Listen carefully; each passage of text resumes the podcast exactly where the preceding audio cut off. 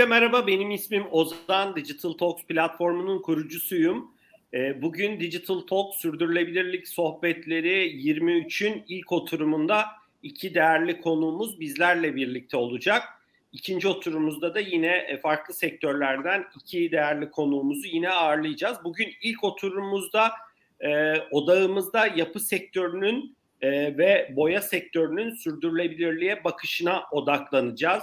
E, bu doğrultuda attığı adımları konuşacağız. E, iki konuğumuz var demiştim. E, ben öncelikle iki değerli konuğumuzu sizlere tanıtmak istiyorum. Aksa Nobel e, Güney ve Doğu Avrupa e, İletişim Müdürü Tutku Konuk Altındal. E, Tutku hoş geldin sohbetimize. Hoş bulduk Ozan, merhaba. E, çok teşekkürler. İzmir'e sevgiler. Şu an İzmir'desin diye biliyorum. Doğrudur, evet. Çok ben de taşındım İstanbul'dan. O yüzden şu an İzmir'den katılıyorum yayına. Tüm dinleyicilere, Çok... izleyicilere de tekrar hoş geldiniz diyorum. Çok teşekkürler. İkinci konuğumuz Kubilay e, Büyüklü, Sengoben Türkiye Mimari Çözümler Pazarlama Müdürü. Kubilay hoş geldin sohbetimize. Merhaba Ozan, hoş geldin. Sen de. E, platform için çok teşekkür ederiz. Çok keyifli bir sohbet olacağını umuyorum. Çok teşekkürler. Bu arada ilk e, serinin ilk oturumu olduğu için ben birkaç hatırlatmada bulunmak istiyorum değerli e, dinleyicilerimize.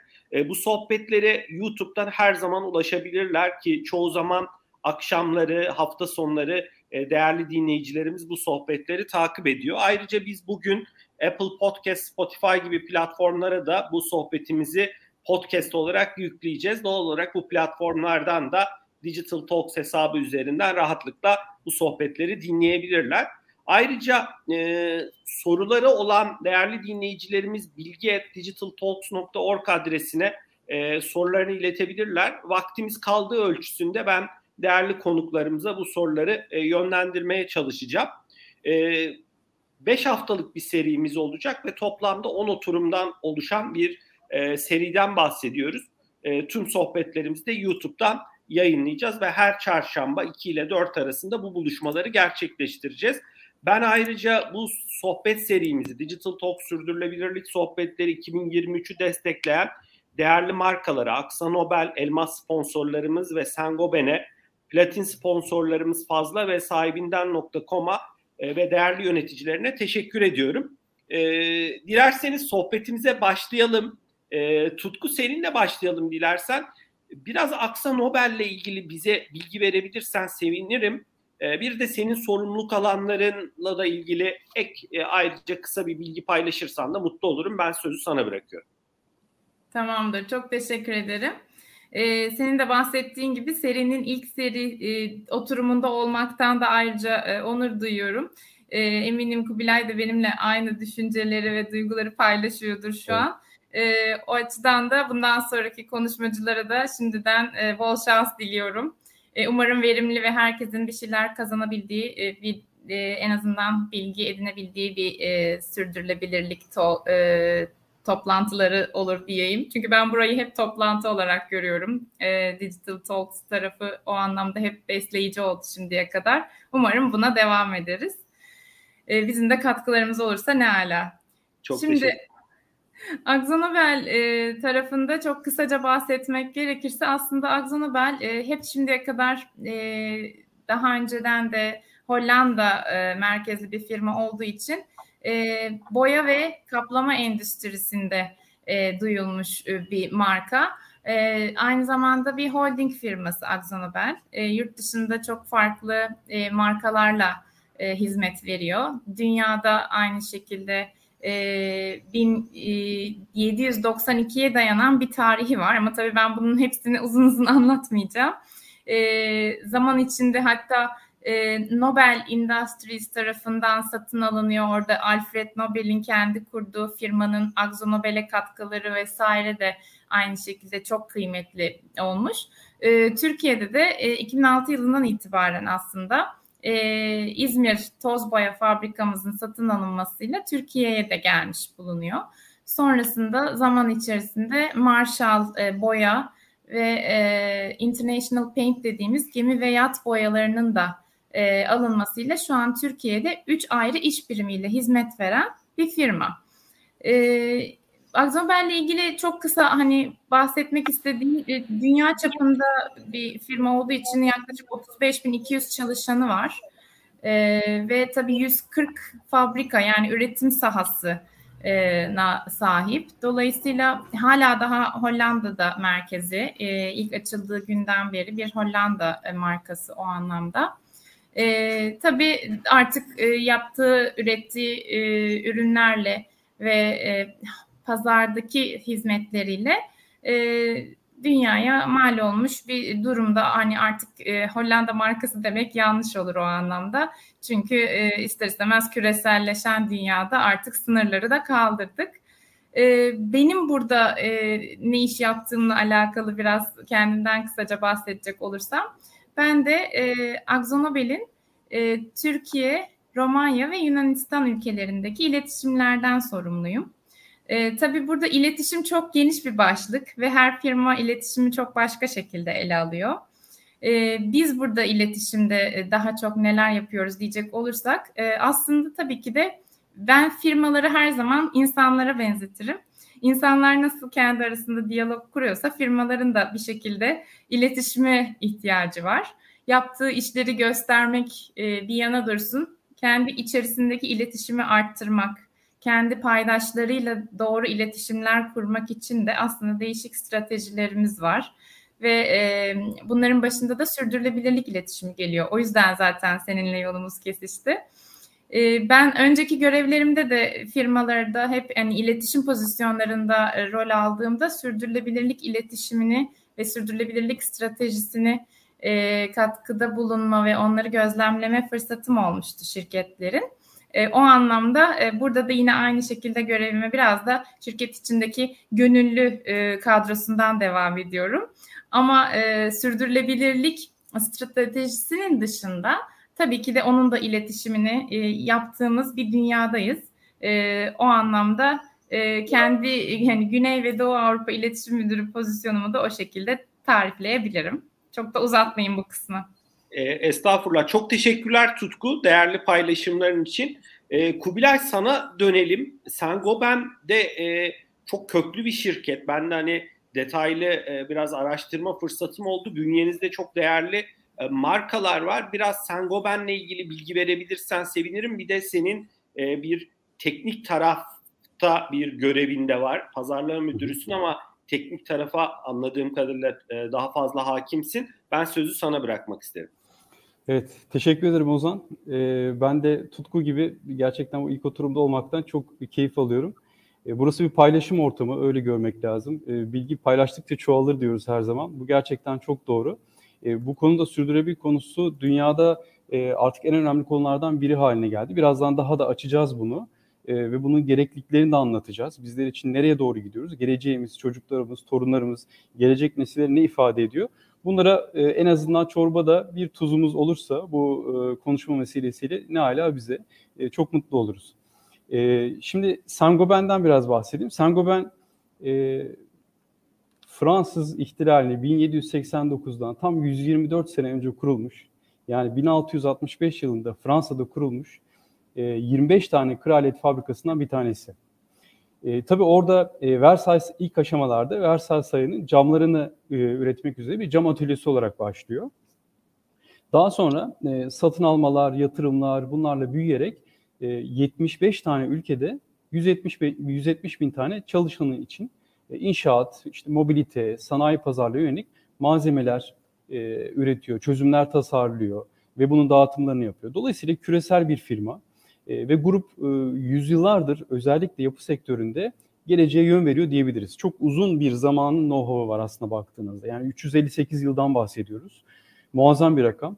E, yüzyıllardır bu e, gelişmişliği düşünün. Kim bilir e, yapı sektöründe neler oldu ve onların içerisinde mütemadiyen Sangoben vardı ve bunun içerisinde bir katkıda bulundu. Çok çok hoş ve çok güzel.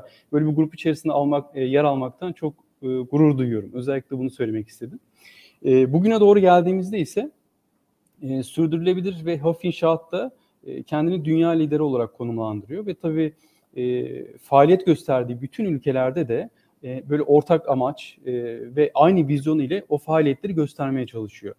E, şimdi dünyadaki bu genel oluşum içerisinden biraz daha Türkiye özeline gelecek olursak, Türkiye'de de e, 13 tane marka var ve 19 tane de üretim tesisi var Sangobe'nin. Mesela bunlardan birkaç tanesini sayacak olursam Weber, e, Krizo, Abrasiv, Ecofon, Vetrotek, Glass, Cam veya iştirak olarak e, Izocam, Rigips Dalsa'nın bulunduğu markaları e, söyleyebilirim.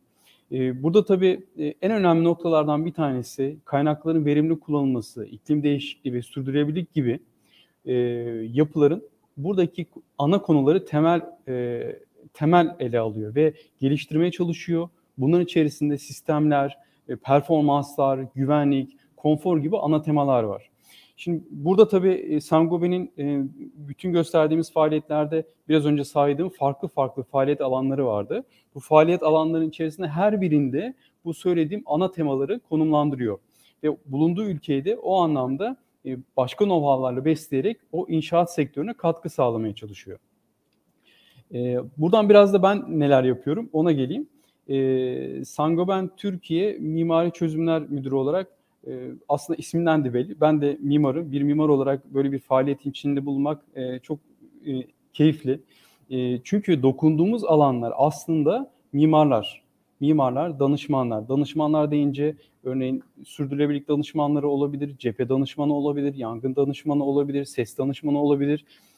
tasarım aşamasında daha ilk aşamalarda biz mimarlara dokunarak onlarla beraber sürdürülebilir, ve konfor düzeyini, performans düzeyini e, en iyi şekilde performans çıkarabilecek şekilde tasarımın içerisinde olmaya gayret ediyoruz. Onlara kendi sistemlerimizi ve çözümlerimizi aktarıyoruz.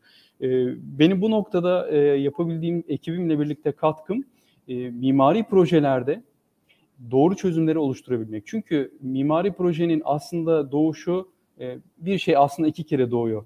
E, nasıl iki kere doğuyor? Birincisi zihnen doğuyor mimarın kafasında doğuyor zihnen ve bunu bir dokümantasyon haline getiriyor. İkincisi ise gerçekte doğuyor. İşte biz gerçeğe geçmeden daha birinci aşamada, o ilk aşamada en güzel ve sürdürülebilir, doğru olan e, ürünü çıkarmak için elimizden gelen katkıyı sağlamaya çalışıyoruz. Kubilay çok teşekkürler. İlerleyen dakikalarda da detaylarına gireceğiz. E, tabii ki orada da ihtiyaçlar değişiyor ve size o ihtiyaçlara yönelik en doğru e, çözümü e, sunmaya çalışıyorsunuz ki o onların detaylarını ben de merak ediyorum. Dilerseniz evet. e, biraz yavaş yavaş sürdürülebilirlikle ilgili hani ana konulara girelim. E, bugünkü sohbetimizin de başlığıyla ilgili olarak e, konusuyla ilgili olarak e, malum e, green building, yeşil bina kavramını çok duyuyoruz. E, birçok sohbette, birçok paylaşımda. E, siz sonuçta bu işin içinde olan insanlarsınız. E, boya endüstrisi, yapı sektörü.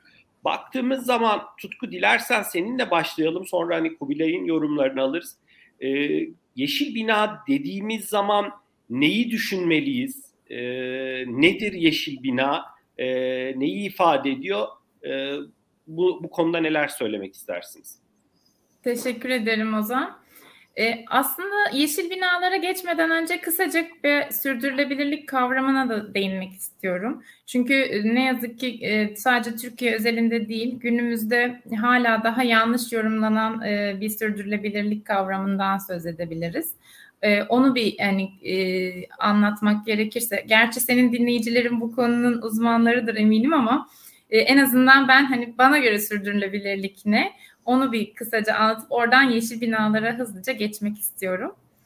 Tabii ki. Ee, yani aslında sürdürülebilirlik kavramı dikkat edince yıllar içinde de çok farklılaştı. Ee, ilk çıkışı, ilk karşımıza gelişi e, bundan 5 yıl önce Türkiye'de ya da 10 yıl önce belki 20 yıl önce Avrupa'da birisi sürdürülebilirlik ne demek diye sorsaydı Hani bazıları atıkların yönetiminden bahsedecekti. Bazıları kağıtların geri dönüşümünü anlatacaktı. Ya da sadece bir poşet torba kullanmaya indirgenebilirdi.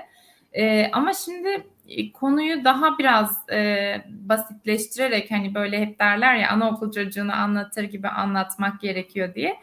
E, ister istemez bizim ilk sürdürülebilirlikle duyduğumuz örnekler işte çevreci olun, yeşil olun, aman ağaç dikin, çevreye özen gösterin, çöp atmayın falan gibi bir noktadaydı.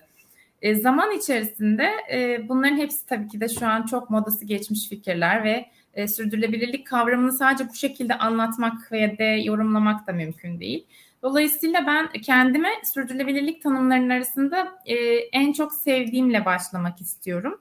E, aslında sürdürülebilirlik ya, kendimizi bildik bileli kullana geldiğimiz alışkanlıklarımızı değiştirmekle alakalı diye düşünüyorum. E, yani burada tabii sadece alışkanlıklar da değil. İşte değer yargılarımızı yeniden yorumlamak ya da bunu yaparken e, hem insanlara hem de diğer canlılara tabii ki de doğal kaynaklara saygılı olmak.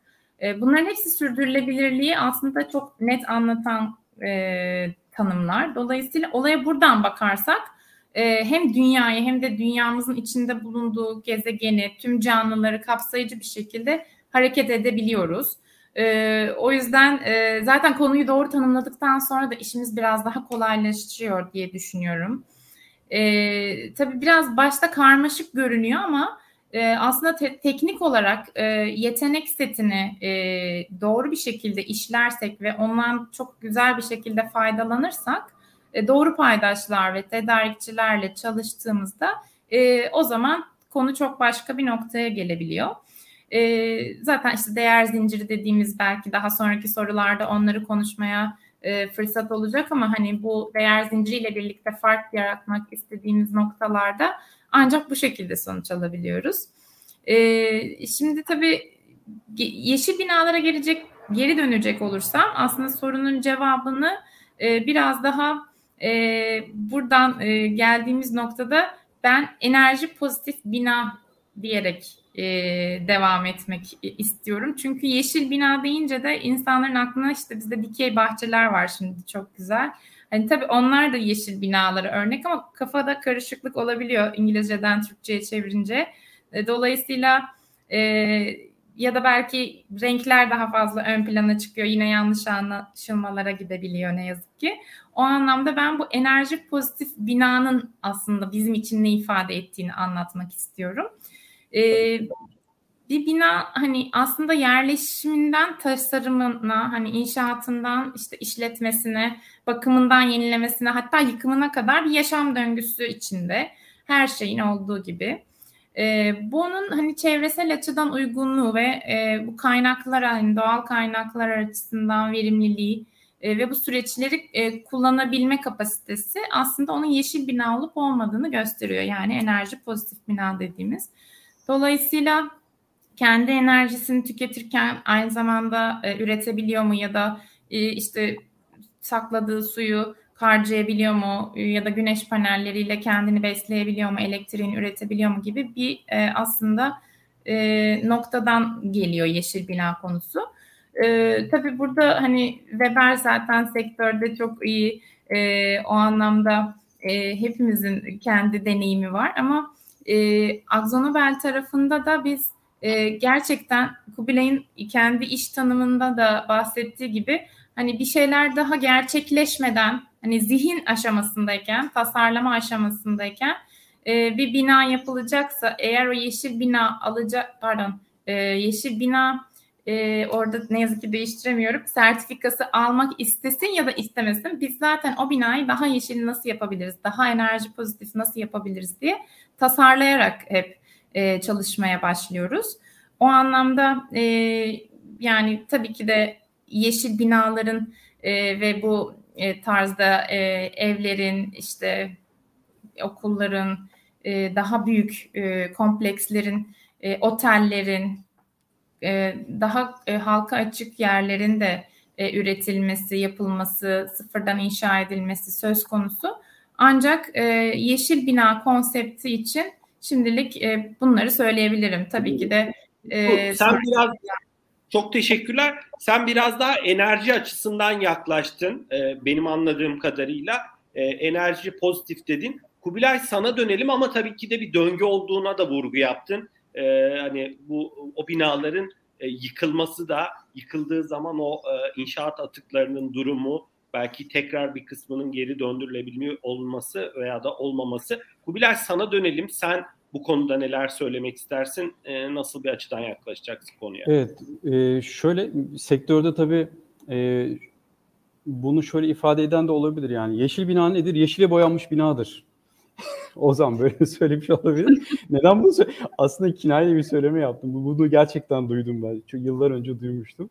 Tabii bu konu çok e, teknik bir konu. Yani böyle bu kadar basit indirgemez ama sektörde bunu böyle konuşulanlar olmuştu. Şimdi artık tabii daha bilinçlendik. E, bu bizim için çok daha önemli bir noktaya geldi. Böyle gülüp geçtiğimiz bir e, olarak kaldı bende o. Şimdi bunu biraz geçmişine baktığımızda şunu görüyoruz. Aslında 1992 biraz daha geçmişi de var ama böyle ana artık vücut bulmuş haline baktığımızda e, Birleşmiş Milletler'in böyle iklim değişikliği çerçeve sözleşmesi var 92 yılında. Bununla başlıyor aslında süreçler. Ve 2015 yılında da Paris İklim Anlaşması oluyor. Daha sonra 2019 yılında Avrupa Yeşil Mutabakatı oluyor gibi böyle bir takım dünyada adımlar atılmaya başlıyor. E, ve tabii bunlar da neyi getiriyor? Aslında e, ülkeler, kuruluşlar için böyle bağlayıcı bir takım hedefler oluyor, önlemler oluyor. E, mesela bu mutabakatta en son bahsettiğim e, bu Avrupa Yeşil Mutabakatı'nda diyor ki 1990 seviyesinden işte 2030 yılına kadar e, karbon emisyonunu ben diyor %55 azaltacağım. Ve hatta 2050'de de diyor ki ben iklim açısından nötr bir kıta olacağım diyor. Şimdi tabii bütün bu aslında ana temel taşlar sizin bir sürü aşağı doğru böyle üçgen şeklinde düşünün o piramidi. Aşağı doğru bütün her şeyi etkileyen bir hale geliyor. Çünkü e, küresel ısınmaya baktığımızda e, çünkü yeşil bir asıl ana temel e, dayandığı noktalardan bir tanesi bu. E, küresel ısınmaya baktığımızda %70 oranında e, petrol, doğalgaz, kömür gibi fosil yakıtların kullanıldığını görüyoruz.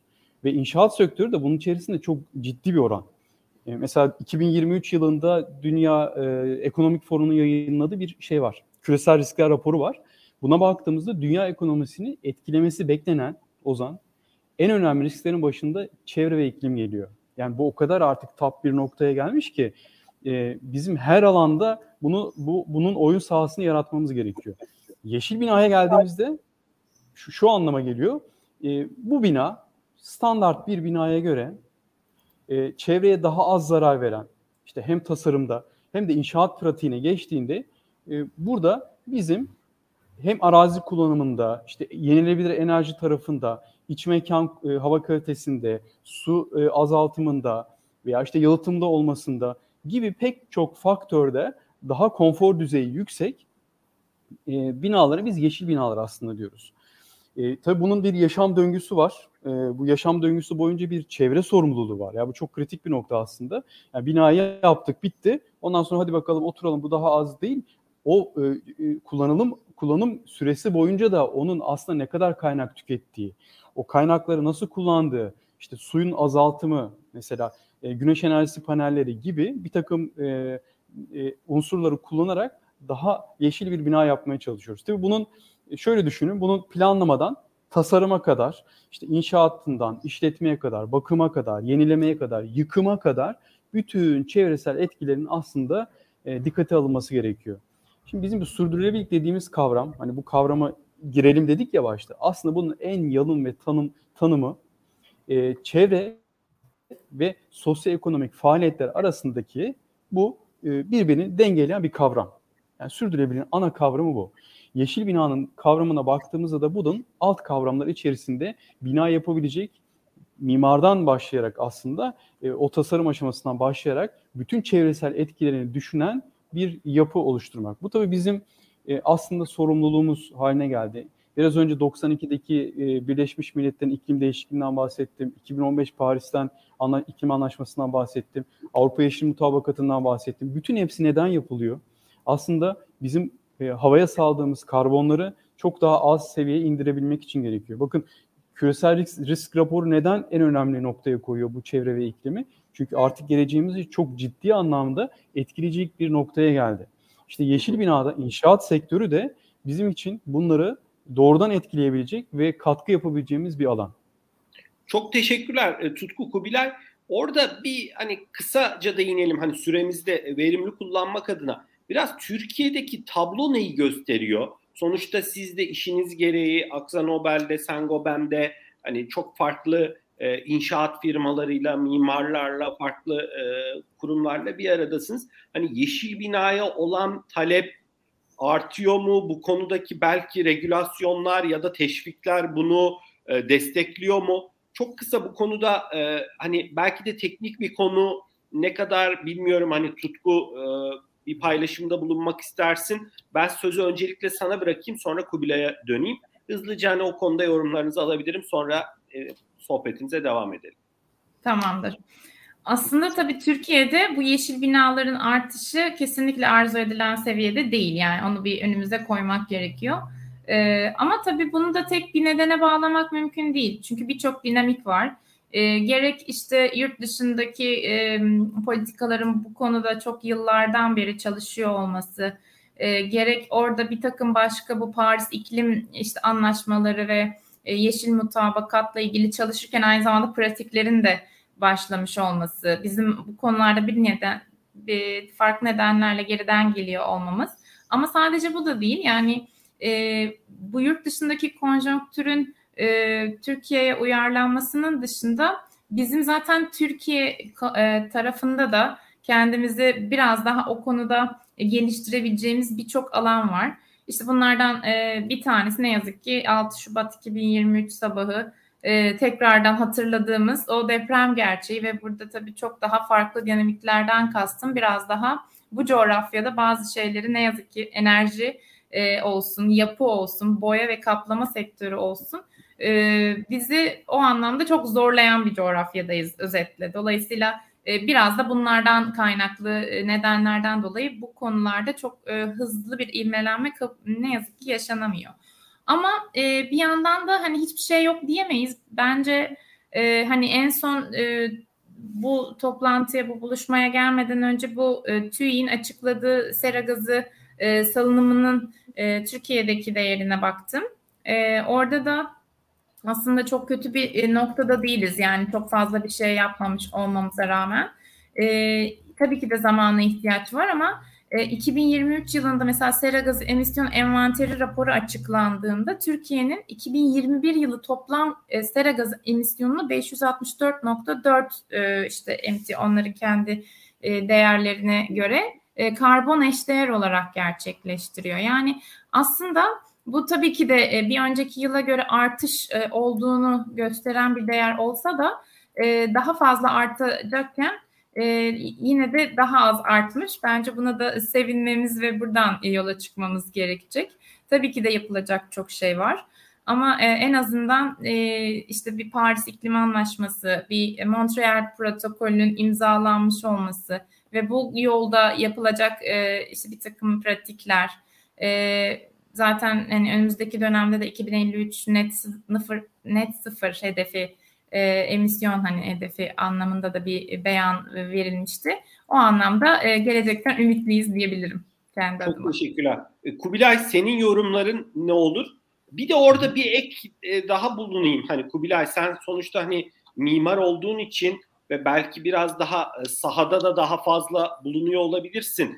Yani e, Tutku hani ilginin alakanın istenilen seviyede olmadığını söyledi ama e, tahminim hani fabrikalar ya da plazalar e, yani daha böyle kurumsal müşteri diyebileceğimiz yapılar bu konuda daha mı ilgili arzulu e, hani o, onu da bir dipnot olarak sormuş olayım yani sana e, ben sözü sana bırakıyorum. Yani Türkiye'de böyle çok ilgili arzulu cümlesini çok e, isteyerek kullanmak isterdim aslında Ozan. Ee, yani gelişmekte olan bir ülke olarak size diyelim en azından. Ee, şöyle başlayalım konuya. Şimdi e, dünyada bu konuyla ilgili bakın bir sertifika programları var. Türkiye'de ondan var. Ondan bahsedeceğim. Bu çok güzel ve teknik bir konu aslında. Güzel bir noktaya parmak bastın. Dünyada mesela kaç tane bir yeşil ürün sertifikası vardır? Bir tahminin var mı? Çok fazladır herhalde. Fazladır. Yani şöyle söyleyeyim 1600 tane yaklaşık bir yeşil ürün sertifikası var dünyada. Yani farklı farklı. Bunun içerisinde en tabii ülkemizde ağırlıklı olan işte Amerikan, İngiliz gibi e, kullanımlar, ekoller var, e, sertifikalar var. Fakat Türkiye'de de kendimize özgü aslında Çevre Şehircilik Bakanlığı'nın e, bir YES-TR sertifika sistemi var. Biraz ondan bahsedeceğim. Tabii ülkemizdeki bakın yani konut stoğunu bir düşünün. Yaklaşık işte 500'ün üzerinde e, uluslararası olan bir sertifika bulunuyor. Nasıl rakam? Yani toplam konu stoğunun içerisinde baktığımız zaman elbette çok düşük. Yani bunu e, yani tartışmak bile mümkün değil. Çok daha yukarıda olması gerekiyor. Fakat şuna bağlıyorum. O zaman aslında şöyle bir durum var. Yani bizim e, hangi kanunu çıkarırsak çıkaralım, ne yaparsak yapalım netice itibariyle bir kanun yapıcının o düzenlemeyi yapması gerekiyor. Tamam bunda hemfikiriz. Fakat tüketiciye dönüp baktığınızda da şöyle bir durum fark ediyorsunuz. Mesela karbon ayak izi ile ilgili farkındalığın 4 kişiden 3'ünün farkında olmadığını biliyoruz. Yani ankette. Mesela bu sürdürülebilirlikle ilgili %48'i toplam böyle hani tüketicileri düşünün. %48 duymuş. Hani ne olduğunu biliyor ama doğru tanımlayan aşağı yukarı %36 gibi rakam, %35-36 gibi rakamlardan bahsediyorum. Yani konu aslında biraz daha böyle bilinçlendirmeden başlayarak hem aşağıdan hem yukarıdan kanun yapıcıdan ve tüketiciden o bilinçten bile bir yerde örtüşmesi gerekiyor. En doğrusu aslında bu. Şimdi YesTR'den bahsettim. Bizim ülkemize has bir e, sertifika sistemi. Çok yeni bir konu tabii. E, çalışılan bir konu. Hani yıllardır çalışılan bir konu. E, bunu yaygınlaşması bence çok faydalı olacak. Yani bunu gönülden inanıyorum. E, özellikle mesela kamu bir, bir kamu binası yapıldığını düşünün bir şehirde. E, işte o kamu binasında denilecek ki ben YesTR'nin e, sertifika sistemi istiyorum denildiğinde ne olacak? Bu aslında başka sektörlerde, özel sektörde de yayılarak e, bunun bir kar topu gibi büyüyeceğini düşünüyorum. E, çünkü e, bu aslında birbiriyle şöyle örtüşüyor. Binalardaki e, bu sertifika sisteminin eğer bir kabul görer hale geldiğinde üreticiler de bunu destekli, destekliyor. Ona dair yatırımlar yapıyor. O üreticiyle birlikte onun tedarikçileri gibi böyle bir yelpazeyi düşünün. Birbirini destekleyen bir noktaya geliyor. E, Türkiye'de mesela enerji tüketiminden biraz önce e, bahsettik. E, Türkiye'de %37'sini kullanıyor şeyler, binalar. Ve sera gazında düşünün bakın %30'undan falan sorumlu. Şimdi yeşil bina kavramı bunun için zaten ön plana çıkıyor. E, Türkiye'nin bir kere çok aktörlü ve katılımcı bir iklim politikasını gerçekten tasarlama sürecine ihtiyacı var. Elbette bunun için çok güzel adımlar yapılıyor. E, inşaat malzeme e, malzeme tarafından baktığımızda da e, bizim malzeme üretimimiz bir kere toplam sanayi üretiminin de ben size şöyle söyleyeyim yüz, aşağı yukarı yüzde onunu falan oluşturuyor. Çok ciddi bir çok noktada. büyük bir rakam. Tabii çok çok ciddi bir rakam. E, Türkiye'de arzu edilen seviyede miyiz? Elbette değiliz. Çok daha iyi bir noktaya gelmeliyiz. Çünkü aslında biz gelişmekte olan bir ülkeyiz ve doğal olarak da gelişmekte olan ülkenin de ihtiyaçları fazla olur Ozan. Doğru. Yani benim ben gelişiyorsam, sen benden daha fazla gelişmişsem, aramızda bir fark varsa o arayı kapamak için daha fazla enerji harcıyorum, daha fazla şeyler yapıyorum. Tamam bu bir yanda ama bunları yaparken de sürdürülebilir bir cepte tutup buna dair çalışmalara da devam etmek gerekiyor. Bakanlık bununla ilgili çalışma yaptı. Biraz önce söylediğim sertifika sisteminde e, çalışmaları yapıldı. Dolayısıyla Türkiye'de var. İstenilen noktada değil ama gelişiyoruz. Ben bu konuda çok ümitliyim. Çok teşekkürler. Ee, Tutku sen bir şey ekleyecek miydin? Ben devam edeyim mi? Yok, yani tamam. eklemeyeceğim. Çok güzel bir noktadayız. Bence böyle akalım. Tamam. Tamam. E, Kubilay e, bir noktayı kaçırdım. Sen 500 dedin. Sertifika almış yapı sayısı mı 500? Ben orayı 500'ün 500'ün üzerinde bir bu yeşil sertifikaları almış bir bina e, şey bulunuyor. E, stok bulunuyor. Yani tabii bu e, bu Peki rakamlar bu gelişmiyor. almak biraz da şeyin etkisi olabilir mi? Belki hakikaten de yapılar buna yönelik yatırımlarını yapıyordur aslında. Enerjiyle ilgili, belki farklı konularla ilgili ama belki de kimi zaman bu sertifikaları almak çok ciddi bir efor, para, e, bir de onun karşılığında evet, da hani e, günün sonunda hani kimse de e, sormuyorsa bu sertifikaya sahip misiniz değil misiniz? Hani bunun arkasında bu tip nedenler de yatıyor olabilir mi? Belki de stoklar içinde hani daha fazla binanın durumu o anlamda daha iyidir. Ne demek istediğimi anlatabildim mi Kubilay? Evet aslında anladım. Yani şöyle düşünün. Bunlar uluslararası sertifikalar. Onlardan bahsediyorum ben. Hı hı. Tabii bunun bir maliyeti var. Yani o kadar güzel bir noktaya değindim ki e, bu maliyeti evet karşılamak bir külfet doğal olarak. Yani, e, yani sürdürülebilirlik anlamında baktığımızda o vizyonda e, bir maliyeti yüzde yüz oluyor. İşte zaten bu yüzden bizim ülkemize özgü bu YESTR dediğimiz sertifika sistemi oluşturuyor. Hem daha maliyeti daha düşük olacak bizim için hem de aslında uyumlu, e, karbon ayak izi düşürülmüş, işte su e, kullanımı azaltılmış, enerji e, kullanımı daha düşük gibi binalara gidiyor. Bu talep edilmesi yani şöyle düşünün mesela Ozan sen yarın bir ev alacaksın. Bu evde e, yeşil bina sertifikası var mı diye sorar mısın? Ee, eğer oradaki bilincim artarsa sorabilirim. Ama yani şu Harika. an sormam herhalde yani. Harika. İşte tam tam onun üzerine basmak istedim.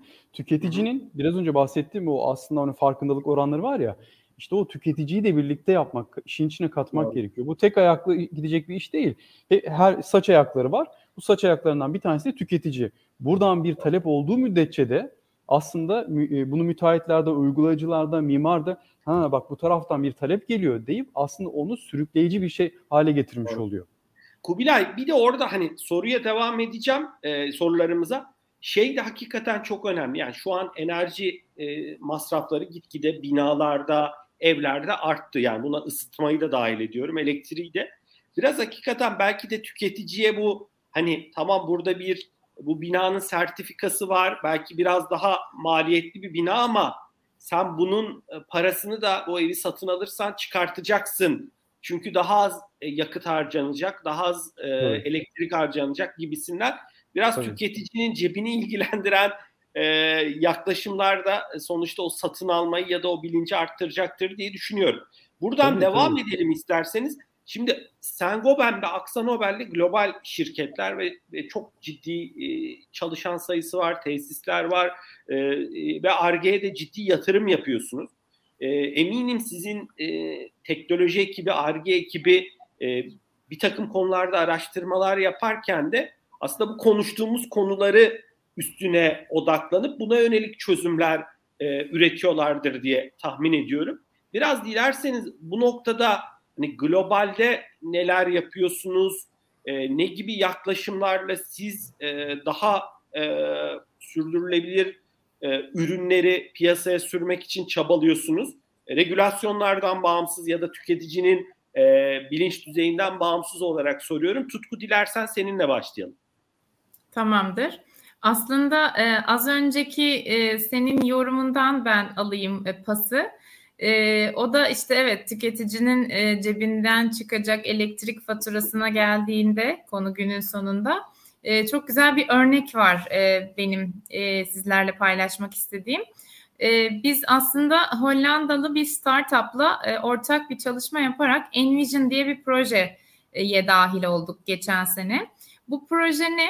E, tam da senin dediğin gibi yani az önce tariflerken aslında belki de bu binadan bahsettin. E, tüm bina e, normalde hani termal ve elektrik enerjisini toplayan uçtan uca binanın bir yenilenme projesi içerisine girdiğimi girdiğini düşünelim. E, ve bu projede de hani e, aynı zamanda yurt dışında e, sürdürülebilir enerji haftasında da bir ödülümüz var. O yüzden çok e, severek anlatmak istiyorum e, kısaca. Aslında biraz açacak olursam e, bir evin hani genelde işte enerji ihtiyacının yüzde 60'ı ısıtma ve soğutma için kullanılıyor. Tabii bunun içinde sıcak sular da var. E, işte kışın e, ona göre hani e, iklimlendirme aynı şekilde dahil. E, mutfaktaki sıcak su da ona dahil. Dolayısıyla e, bu enerjiyi de toplamak için hani sadece çatıya güneş paneli yerleştirmek yetmiyor. Cepheden daha fazla yüzey alanına ihtiyacımız oluyor. Neden? Çünkü e, evlerin cephesine günün farklı saatlerinde farklı güneş ışınlarının e, açıları da e, değişik bir şekilde yansıdığı için e, onlardan en iyi verimi alarak toplamak gerekiyor ve e, biz aslında güneşten aldığımız e, ışınların görünmeyen kısmını kullanıyoruz diye kendi kendimize tarif ediyoruz bu konuyu.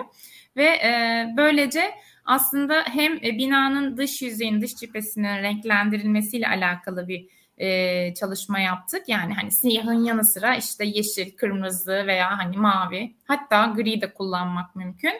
E, çünkü hani eskiden bildiğimiz hep siyah işte güneşi daha iyi çeker, beyaz hani daha iyi yansıtır falan gibi olduğundan dolayı aslında onlar da yavaş yavaş kırılmaya başladı. E, çünkü yaptığımız ARGE çalışmalarından sonra da gördük ki e, bu şekilde daha fazla enerji enerji pozitif bina yaratabiliyoruz. Ve e, bu tabii ki de binalar kendi evin enerjisini kullanıyor, kendi iç enerjisini kullandığı için de doğalgazdan arındırılmış oluyor ve enerji faturası gelmiyor aslında bu evlere. E, dolayısıyla e, bu tarz sistemleri kurmak evet maliyetli. E, ancak bir de işe şu taraftan bakacak olursak bu benim bahsettiğim çok küçük bir ev yani 3 artı 1 e, olan bir ev. Ama mesela bunu e, ki bu ev için bile kendi e, tükettiği enerjiden daha fazlasını üretebiliyor bu e, cephe sistemleriyle Bir de bunu e, küçük bir hani evde değil e, büyük bir fabrikada yaptığınızı düşünün. Tabii tabii ki hani onun elde edeceği enerji miktarı çok daha fazla olur ve böyle böyle binalar çoğaldıkça da aslında Avrupa Birliği'nde işte 2030 hedefi açıklanmıştı biliyorsunuz. Hani sera gazı emisyonları ile ilgili. E, onları gerçekleştirmek çok daha yakın olur. E, böyle Biraz bir cevap. O zaman Tutku o zaman şunu anlıyoruz yani sonuçta boyayla e, e, bu arada sesim bir yankı yaptı ama şu an geçti. Biz boyayla tamam. Boyayla e, yalıtım ve aslında ısı tüketimi binanın çok yakın bir ilişki var diyebiliriz değil mi? Kesinlikle. E, tabii onun dışında Arge'yi sordum. Çok kısa ona da değinmek istiyorum. Çok kısa alabilirsek Tutku çok sevinirim. Aynen. E, üç iş birimimizden bahsetmiştim hatırlarsanız en başta. İşte toz boya dediğimiz aslında tamamen B2B sanayi tipi boyalar. E, burada birçok işte beyaz eşyadan e, araçlardaki bobinlere ya da bizim görmediğimiz iç aksamlara e, onun dışında e, bir işte e, kaplama boyalarımız var. E, yemek yediğimiz ürünlerden yola çıkacak olursak e, kullandığımız e, ne yazık ki e, atıştırmalıkların içinde e, durduğu ambalajların iç boyalarından işte e, kolaların e, ve gazlı içeceklerin iç boyalarının boyalarına kadar kullandığımız işte laptoplardan cep telefonlarının boyalarına kadar. E, aslında tabii ki de esas e, toz boya tarafında faaliyet alanında olan bu e, ce, yine e, ortak e, ka, katıldığımız konumuz Kubilay'ın da bileceği gibi hani cephe tarafında alüminyum kaplamaların PVC'leri gibi e, birçok alanda kullanılan bir boya. Bunu niye anlattım? E, buradaki ARGE çalışmaları düşük kürlenen teknolojiler geliştirmek üzerine odaklandı şu anda. O anlamda tabii ARGE çalışmalarının ve inovasyonun çok farklı etkileri olduğunu söylemek istiyorum. Bir de e, yaş boya tarafında da yine Marshall dediğimiz bu dekoratif boya tarafında da hem e, e, solvent bazlı olmayan boyalar üretilmesi için e, hem de e, gemi ve yat boyalarında e, deniz canlılarının hayatını önemseyen ve onların yaşam döngüsüne katkıda bulunan boyalar üretmek için ARGE çalışmalarına devam ettiğimizden söz edebilirim. Çok çok teşekkürler. Kubilay sana dönelim. E, sen neler söylemek istersin? Evet, e, Ozan e, baştan şöyle başlayayım. E, Sangobe'nin e, dünyada 8 tane ARGE merkezi var. İşte Amerika'da, Almanya'da, Fransa'da, Çin'de, Hindistan'da ve bunlarda da yaklaşık 3600 tane araştırmacı arkadaşımız çalışıyor. E, ve yüzden fazla da geliştirme merkezi var. E, toplam olarak da 3 aşağı 5 yukarı her yılda işte 400'den fazla da patent alıyor. Şimdi böyle bir yapıda e, odak noktası tabii yani belli bir e, üründen ziyade yalıtımdan yapı kimyasalına, işte camdan e, akustik e, ürünlere kadar çok geniş, geniş bir yelpazede bir ARGE merkezi çalışması bulunuyor. E, bunun içerisinde yani depremi de katın, farklı farklı unsurlar var bunun içerisinde. ARGE, ARGE bizim için çok kritik bir nokta. Zaten bu verdiğim rakamlardan da anlamışsınızdır. E, çünkü inşaat sektörü olarak biz aslında yani o kadar e, etki alanımız bulunuyor ki yani dünya üretiminin yani rakamları vermeyi ben e, severim. Dünya inşaat sektörünün dünya on dördü aşağı yukarı baktığınızda. Şimdi bir kere e, bir şirket bu belli bir zamanda ve yaşamak istiyorsa, uzun vadede yaşamak istiyor, istiyorsa eğer bu değişime ayak uydurmak zorunda. Yani değişim dediğimiz şey o inovatif malzemelerle hayatımıza kattığımız şey aslında bizim geleceğimiz. Ve şuna çok inanıyorum ki bunu ayak uydurmayan şirketler gelecekte olmayacak. Bir kere e, hem ekonomik olarak hem de kanuni olarak çok ciddi bir dezavantajlı bir duruma kalacaklar. Bu bahsettiğimiz daha önceki yeşil mutabakat mesela bunu bir e, aşamalı olarak ele alabilirsiniz bunu. Ne demek istiyorum? Standart değil. Artık mevcut iş yapış şekillerimizin değişmesi gerekiyor. ARGE çok kritik bir noktaya geliyor. Neden? Çünkü müşteri beklentisi, talepleri bunlar hepsi değişiyor. E bunlar neyi getiriyor? Yeni teknolojileri getiriyor, yeni yatırımları getiriyor, kritik yatırımları getiriyor. İnşaat sektörü ben şuna inanıyorum. Artık e, o gelenekselden çıkıp hafif inşaat sektörü, sürdürülebilir hafif inşaat sektörü gibi kavramları konuştuğumuz bir dönemde artık bir de, değişim döneminin eşiğinde. Buna gerçekten çok inanıyorum. İnşaat bunu bir maliyet olarak da görülebilir. Arge bir maliyet görülebilir ama inşaat inşaat maliyeti demek e, evet inşaat malzemelerin maliyetiyle çok doğrusal bir orantı bulunuyor. Doğru. Ancak yenilik ve teknolojiyle bunlar tek maliyet e, unsuru olarak ele alamayız. E, bu ne ifade eder bize? Hem çevreye verilen zarar, dünya çapındaki politikalarına uyumu ve inovasyonu bizi bir kere zorunlu kılıyor. Bunu yapmalıyız. E, Sangoben olarak bu bizim için çok e, önemli ve e, kritik bir nokta. İnovatif malzemeler bizim en hassas noktalarımızdan bir tanesi. Zaten başta da özellikle vurgulamak istedim. E, sürdürülebilir hafif inşaat çözümleri bizim için en önemli üzerinde durduğumuz noktalardan bir tanesi. ARGE merkezlerimizde üretilen bu e, patent sayısı e, her yıl 400'den fazla dedim. Bunu tabii tek bir noktada ele almayın. E, bir sürü kimyasaldan yalıtıma kadar bahsettiğim hepsini de ele alabiliriz. E, şöyle e, toparlayayım. E, gelecek çok e, uzun bir geçmişimiz var. Geleceğe Sangobe'nin gidebilmesi için de ARGE burada en önemli ayaklardan bir tanesi. Sürdürülebilir olmak aslında bunu da ifade ediyor zaten. Hı hı. E, Kubilay Tutku e, aslında bununla bağlantılı olarak sonuçta siz işiniz gereği e, tüketicilerin ihtiyaçlarını yani tüketiciler deyince de tabii ki de e, business to business iş yaptığınız zaman sonuçta oradaki o inşaatları yapan firmaları da kastediyorum ama sonuçta onlar da günün sonunda müşterilerinin ihtiyaçlarını e, düşünüyorlar. Baktığınız zaman hani eminim birçok içgörüye sahipsinizdir. Gerek boya endüstrisinde e, gerek yapı sektöründe. Biraz aslında bu içgörüleri biraz konuşsak, biraz siz de sonuçta pazarlama e, bölümündesiniz, pazarlamacısınız. Hani gördüğünüz e, içgörüler neler? Tabii ki aslında ihtiyaçlar da değişiyor. Tutku yanılmıyorsam seninle olan sohbetimizdeydi ya da Kubilay senin neydi? Sonuçta bir hastanenin ihtiyacıyla e, bir konutun ihtiyacı farklı, bir ofisin ihtiyacı evet. farklı. Biraz evet. buradaki içgörüleri e, bize aktarabilirseniz sevinirim. Tutku dilersen seninle başlayalım. Hay hay. E, aslında çok haklısın. Her binanın, her yapının e, ihtiyacı değişiyor.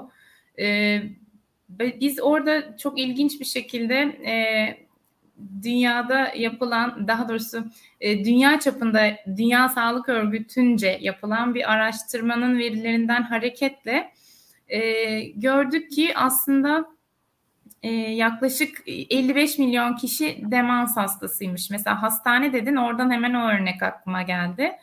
E, bu veriden yola çıkarak İngiltere'deki boya markamız e, sadece Birleşik Krallık'ta 2025 yılına kadar e, yaklaşık 1 milyon kişinin e, bu hastalıkla yaşayacağını tahmin etti. Ve e, bununla ilgili biz ne yapabiliriz diye kolları sıvadılar. Tabii biz e, hani kaç yılların vermiş olduğu bir deneyim ve e, o anlamda hani bilgi e, birikimiyle diyelim e, çok hani alanında uzman, küresel çapta bilinen renk uzmanlarıyla çalışıyoruz ve dedik ki yani madem bu kadar kişi bu hastalıktan dolayı e, ne yazık ki e, hatta hayatını kaybetme noktasına kadar geliyor ve hani e, hayatının son yıllarını belki e, daha iyi yaşayabilecekken yaşayamıyor. Biz ne yapabiliriz?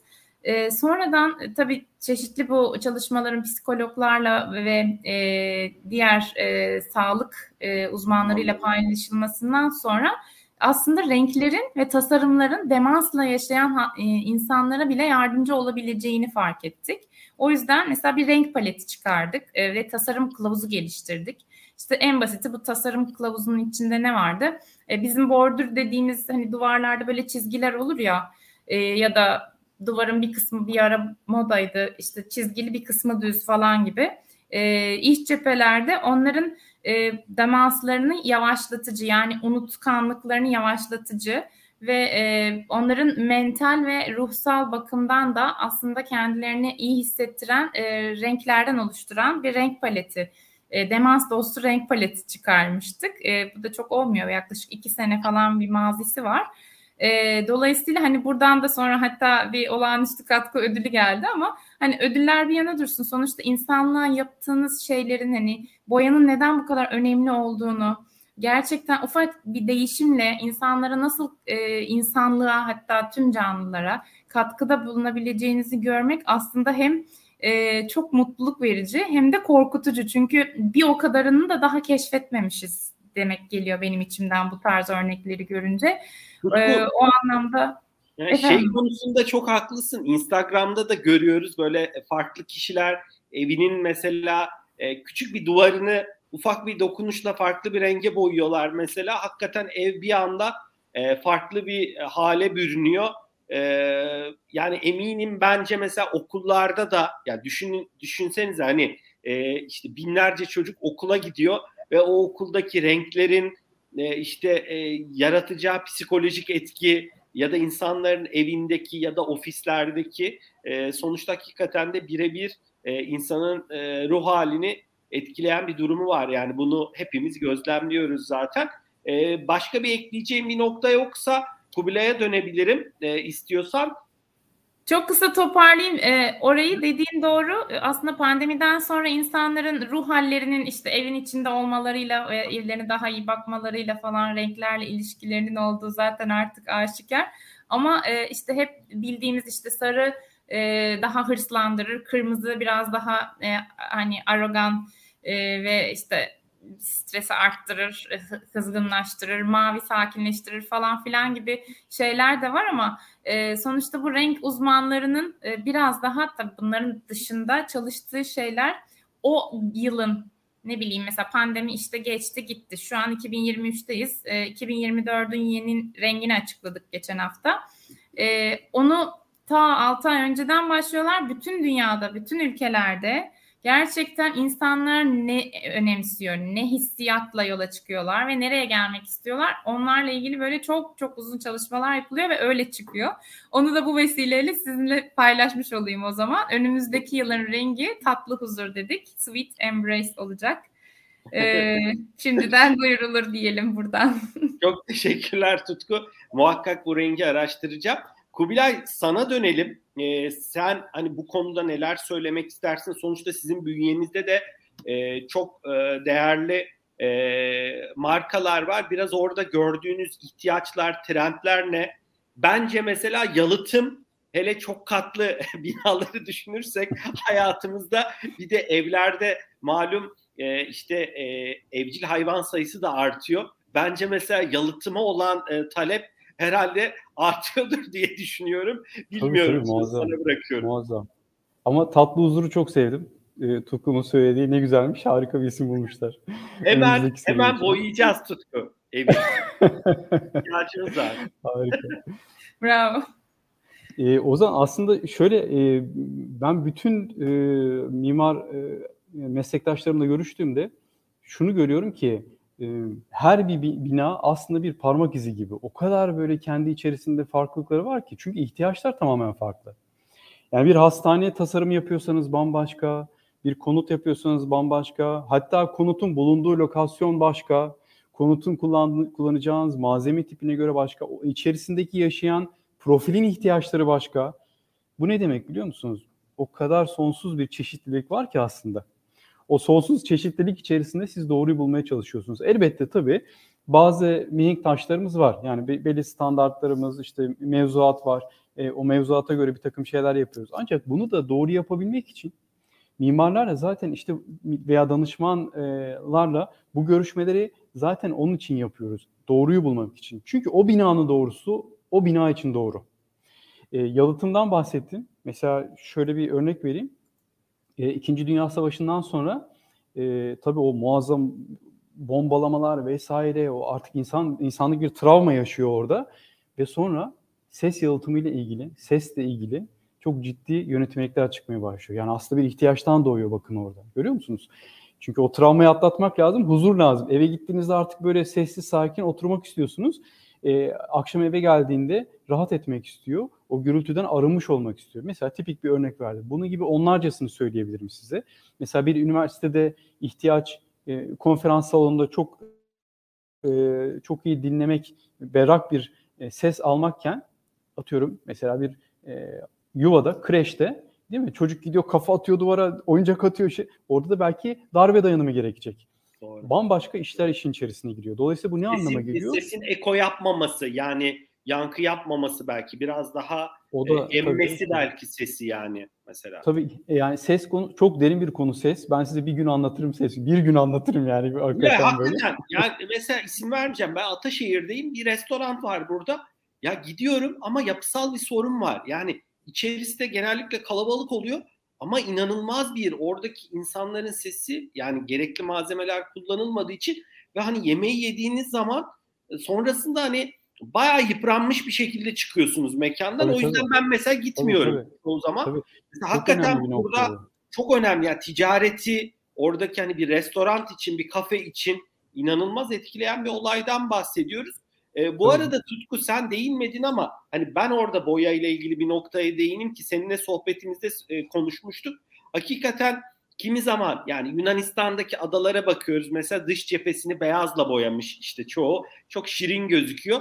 Sizin de e, Türkiye'de e, yanılmıyorsam Kuşadası'nda e, buna benzeyen bir projeniz vardı geçmiş yıllarda. Hakikaten e, madem hani oraları tekrar yeniden inşa etmek kolay değil. E, madem o zaman oraları biraz daha düzeltip belki yapısal olarak da e, ve boyasını değiştirip biraz uyum içinde bir şeyler yapıyor olmak da o bölgenin aslında turizmine e, katkıda bulunacak bir e, durum diyebiliriz aslında.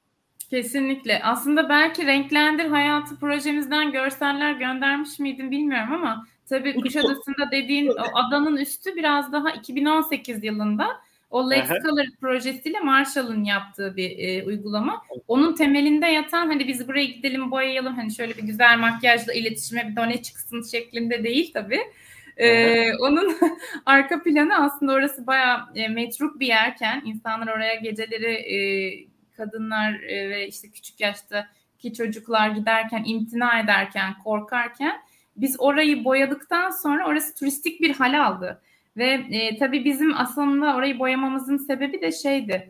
E, biraz daha hani binalar zaten dediğin gibi e, eski ancak e, orada güvenliği nasıl sağlarızın ötesinde bu binaların içinde insanların yaşayabilmeye devam etmesi için işte sıcak e, yine iklimlendirme ile ilgili Aydın çok sıcak bir yer olduğu için tabii Kuşadası yazlık mekan sonuçta. Hani e, onların o Aynen yaşam konforlarını daha iyi e, bir noktaya getirebilmek için de ama tabii o onu doğurdu. E, oradan turistik gelirler elde edildi belki ülke çapında e, ya da işte şehir çapında o ayrı. Onlar yan faydalar diyoruz ama e, önemli olan oradaki insanların huzuru gerçekten ve e, tabii ki de e, diğer tarafta da aslında bir boya ile bile neler yapılabileceğini insanlara göstermiş oluyoruz. Kesinlikle bunun yurt dışında da farklı örnekleri var. Bu arada son 2-3 dakikamız ama ben arka tarafta Nur'la Ali'yi görüyorum. Onlardan ekstra bir 2-3 dakika daha rica ediyorum. Ee, böylece hani bir 5 dakikamız olsun. Ee, sohbetin sonuna gelirken aslında e, sonuçta siz mimarlarla, nalburlarla, e, inşaat ustalarıyla da iç içesiniz, birliktesiniz. Sonuçta işin bir B2B tarafı var baktığınız zaman. E, dilersen Kubilay seninle başlayalım. Peki bu insanları yani hepimiz biliyoruz eve bir usta geliyor bir bakıyoruz belki de doğaya çok saygılı olmayacak şekilde davranabilir ya da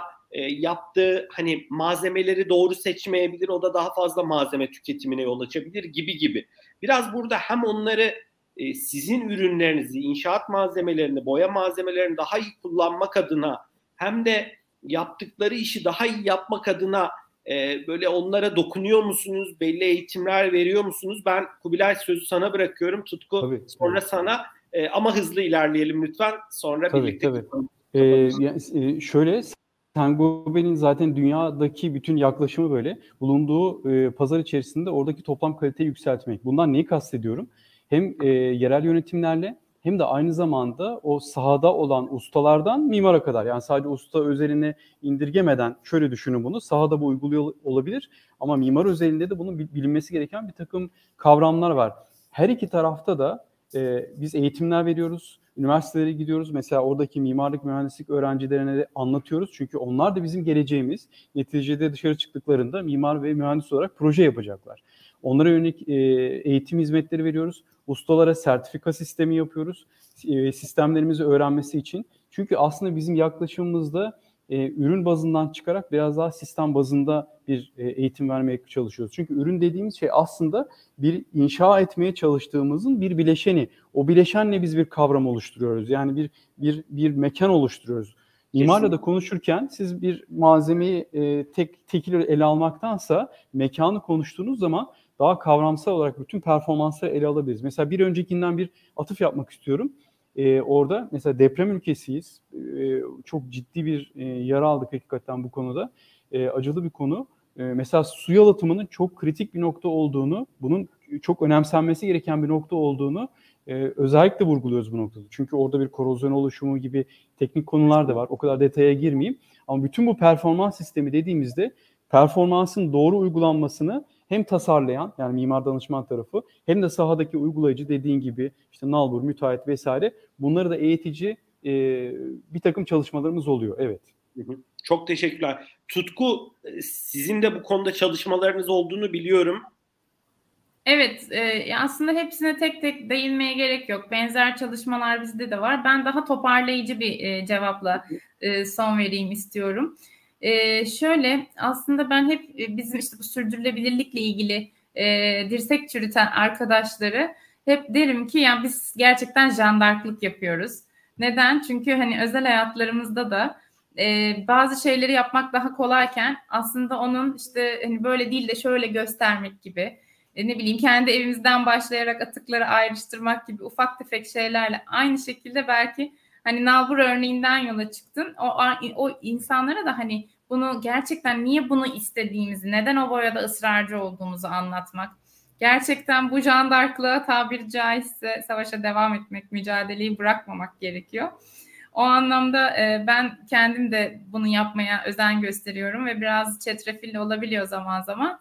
Ama en azından e, yapınca da çok daha farklı bir noktaya geldiğimizi görüyoruz. Kısaca Akzonobel olarak da şunu e, ayrıca iletmek istedim. Biz tabii burada bugün yapı sektörüne odaklandık daha çok. Boya ve yapı binaları konuştuk. E, ama hani tabii ki de boyayla değiştirebileceğimiz çok fazla şey var. E, o noktada e, bence hepimiz kalıcı yenilenebilir enerjiyi sağlamak için işte sürdürülebilir ulaşımı mümkün kılmak için e, hem yemekleri koruyabilmek için gıdaları hem sağlık tesislerindeki hijyenleri, hijyeni, hijyenik koşulları ve iklimi koruyabilmek için e, aslında kendi yaptığımız işte derinleştikçe bunları yapabileceğimizi görüyoruz ve bence bu alanda hepimiz devam edelim derim. Tutku çok teşekkürler. Ee, yani ufak değişiklikler e, büyük e, değişikliklere e, zaten vesile oluyor. O açıdan hani herkesin e, kendi çapında, kendi ölçüsünde çaba göstermesi o anlamda çok anlamlı. Hani hiçbir şeyde bir anda zaten e, düzelmiyor. E, son hani bu sohbeti e, kapatmadan önce belki eklemek isteyeceğiniz birkaç cümle varsa alabilirim. E, ben sonrasında da Nur'la Ali'yi de ekleyeyim. Onlara da özür diliyorum. Bir beş dakika geç başlamış oluyoruz. E, son kapanışı yaparken Kubilay senin eklemek istediğin bir nokta olur mu? Tutku senin eklemek istediğin bir nokta olur mu? Çok çok kısa e, bir Sengober'in odaklandığı e, birkaç cümleyle bir, e, tamam toparlamak istiyorum onu. E, bu konu çok öncelikli bir konu bizim açımızdan. Özellikle e, Sengober hızlı büyüyen pazarlan, pazarlarda konumlanmayı ve fark yaratmak istiyor. Çünkü hızlı büyüyen bir pazar dediğimiz zaman aslında işte bu sürdürülebilirlik gibi kavramları yerleştirebilir hale geliyorsunuz. Daha sağlıklı büyüyor. Ve ana temada aslında e, Sengober'in sürdürülebilir ve performans odaklı çözümlerini hayata geçirmek. Tabi bu nasıl yapmayı hedefliyor Saint-Gobain? Müşteri odaklı bir inovasyonla bunu aslında yapıyor. Yani siz müşterinin e, analizine göre, onun ihtiyaçlarına göre bir inovasyon yaparsanız e, bunların tamamında aslında hizmet eder hale gelirsiniz. Son olarak aslında şunu söyleyeyim. Saint-Gobain'in sosyal sorumluluk yaklaşımında çok kritik. E, ülkemizde de bir, bir örnek vermek istiyorum. Bu depremden sonra bir konteyner kent kuruldu.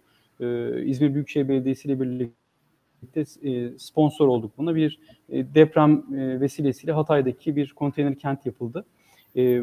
Bunun gibi yaklaşımlar oluyor sosyal sorumluluk yaklaşımlarında. Ülkemizde bu konunun çok önemi gittikçe arttığını düşünüyorum. Sürdürülebilirlik konusu özelinde zaten çok hayat hayatımızın içerisinde olan bir konu. Kendimizden başlayarak yani kendimizin doğrudan çevreye vereceğimiz etkiyi karbon ayak izini azaltarak bütün sektör boyunca bunu dünyaya güzel bir gelecek bırakmak için çalışmalıyız diye düşünüyorum. Teşekkür ederim. Çok teşekkürler Kubilay. Tutku senin de e, kapanışı yaparken son söyleyeceklerin varsa alabiliriz. Tamam. Ee, ben de Kubilay gibi yapayım o zaman. Biraz daha bu Akzonobel'in odaklandığı konulardan bahsederek e, son vereyim. Çünkü e, zaten sonrasında da yeni serilerde, yeni haftalarda e, eminim e, gelecek olan firmalar e, bile sadece bu Digital Talks dünyasındaki e, kişiler bile biz bir araya geldiğimizde çok farklı şeyler yapabiliriz. E, biz aslında e, Akzonobel tarafında evet EcoVadis şirketler arasında ilk yüzde birdeyiz globalde. İşte ESG Ratings'te 3A hani AAA statüsündeki tek boya ve kaplama şirketiyiz ama hani bunlar aslında sadece birer sonuç bence. Çünkü e, zaten sürdürülebilirlik stratejisini çok fazla iş yapış modeline yansıtmış bir firma. Yani e, biz hani bazı e, firmalar e, ya da bazı kişiler bu konuda çok fazla yazdı çizdi ama hani e, bu konuda okur yazarlık yapmamış olan kişiler için şunu çok net söyleyebilirim. E, biz hani bir şeyler yapalım da sürdürülebilirlik gibi anlatalım e, diyen bir firma değiliz. Zaten yaptığımız iş e, gereği yani e, üretim sektöründe olmamız, kimya sektöründe olmamız, boya tarafında aynı şekilde kaplama, e, bu gibi e, bir takım işte zaten global olmamız ve bağlı olduğumuz e, bir takım e, işte otoritelerden dolayı zaten yaptığımız işleri yaparken biz daha iyi nasıl yapabiliriz dediğimizde bu noktaya geliyoruz ve o yüzden sürdürülebilirlik aslında bir çıktı oluyor. E, hani ya da e, doğası gereği yapıla geliyor. O, o konular çok önemli. Bence bunu e, bütün herkesin bu kasları elde edip bu, bu şekilde çalışması gerekiyor.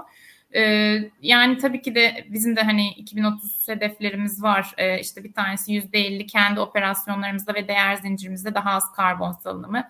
Diğeri %100 kendi faaliyetlerimizde işte azalt yeniden kullan geri dönüştür prensibiyle döngüsel bir malzeme kullanımı.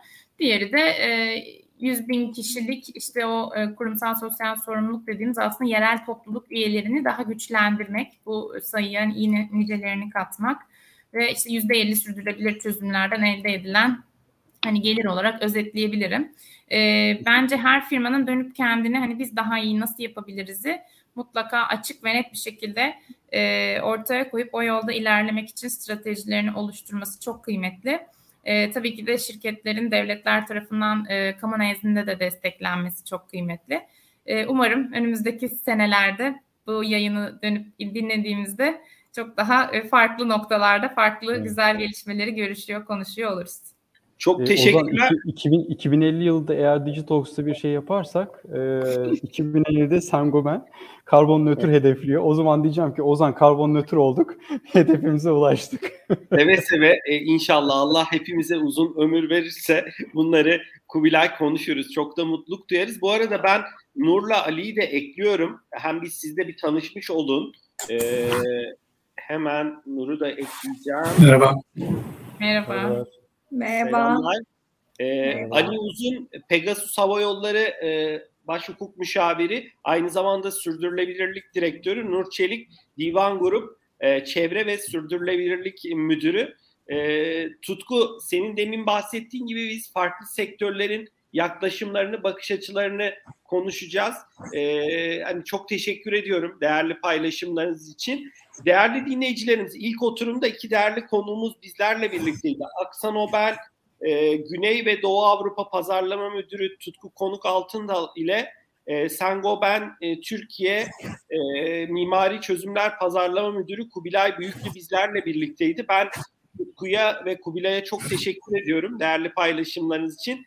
Müsaadenizle e, sizi yayından alıyoruz. Biz ikinci sohbette e, sürdürülebilir seyahat sektörüne odaklanacağız. Teşekkürler. Teşekkürler. Hoşçakalın. Görüşmek üzere. Hoşçakalın. Teşekkürler. Görüşürüz. Kolay gelsin.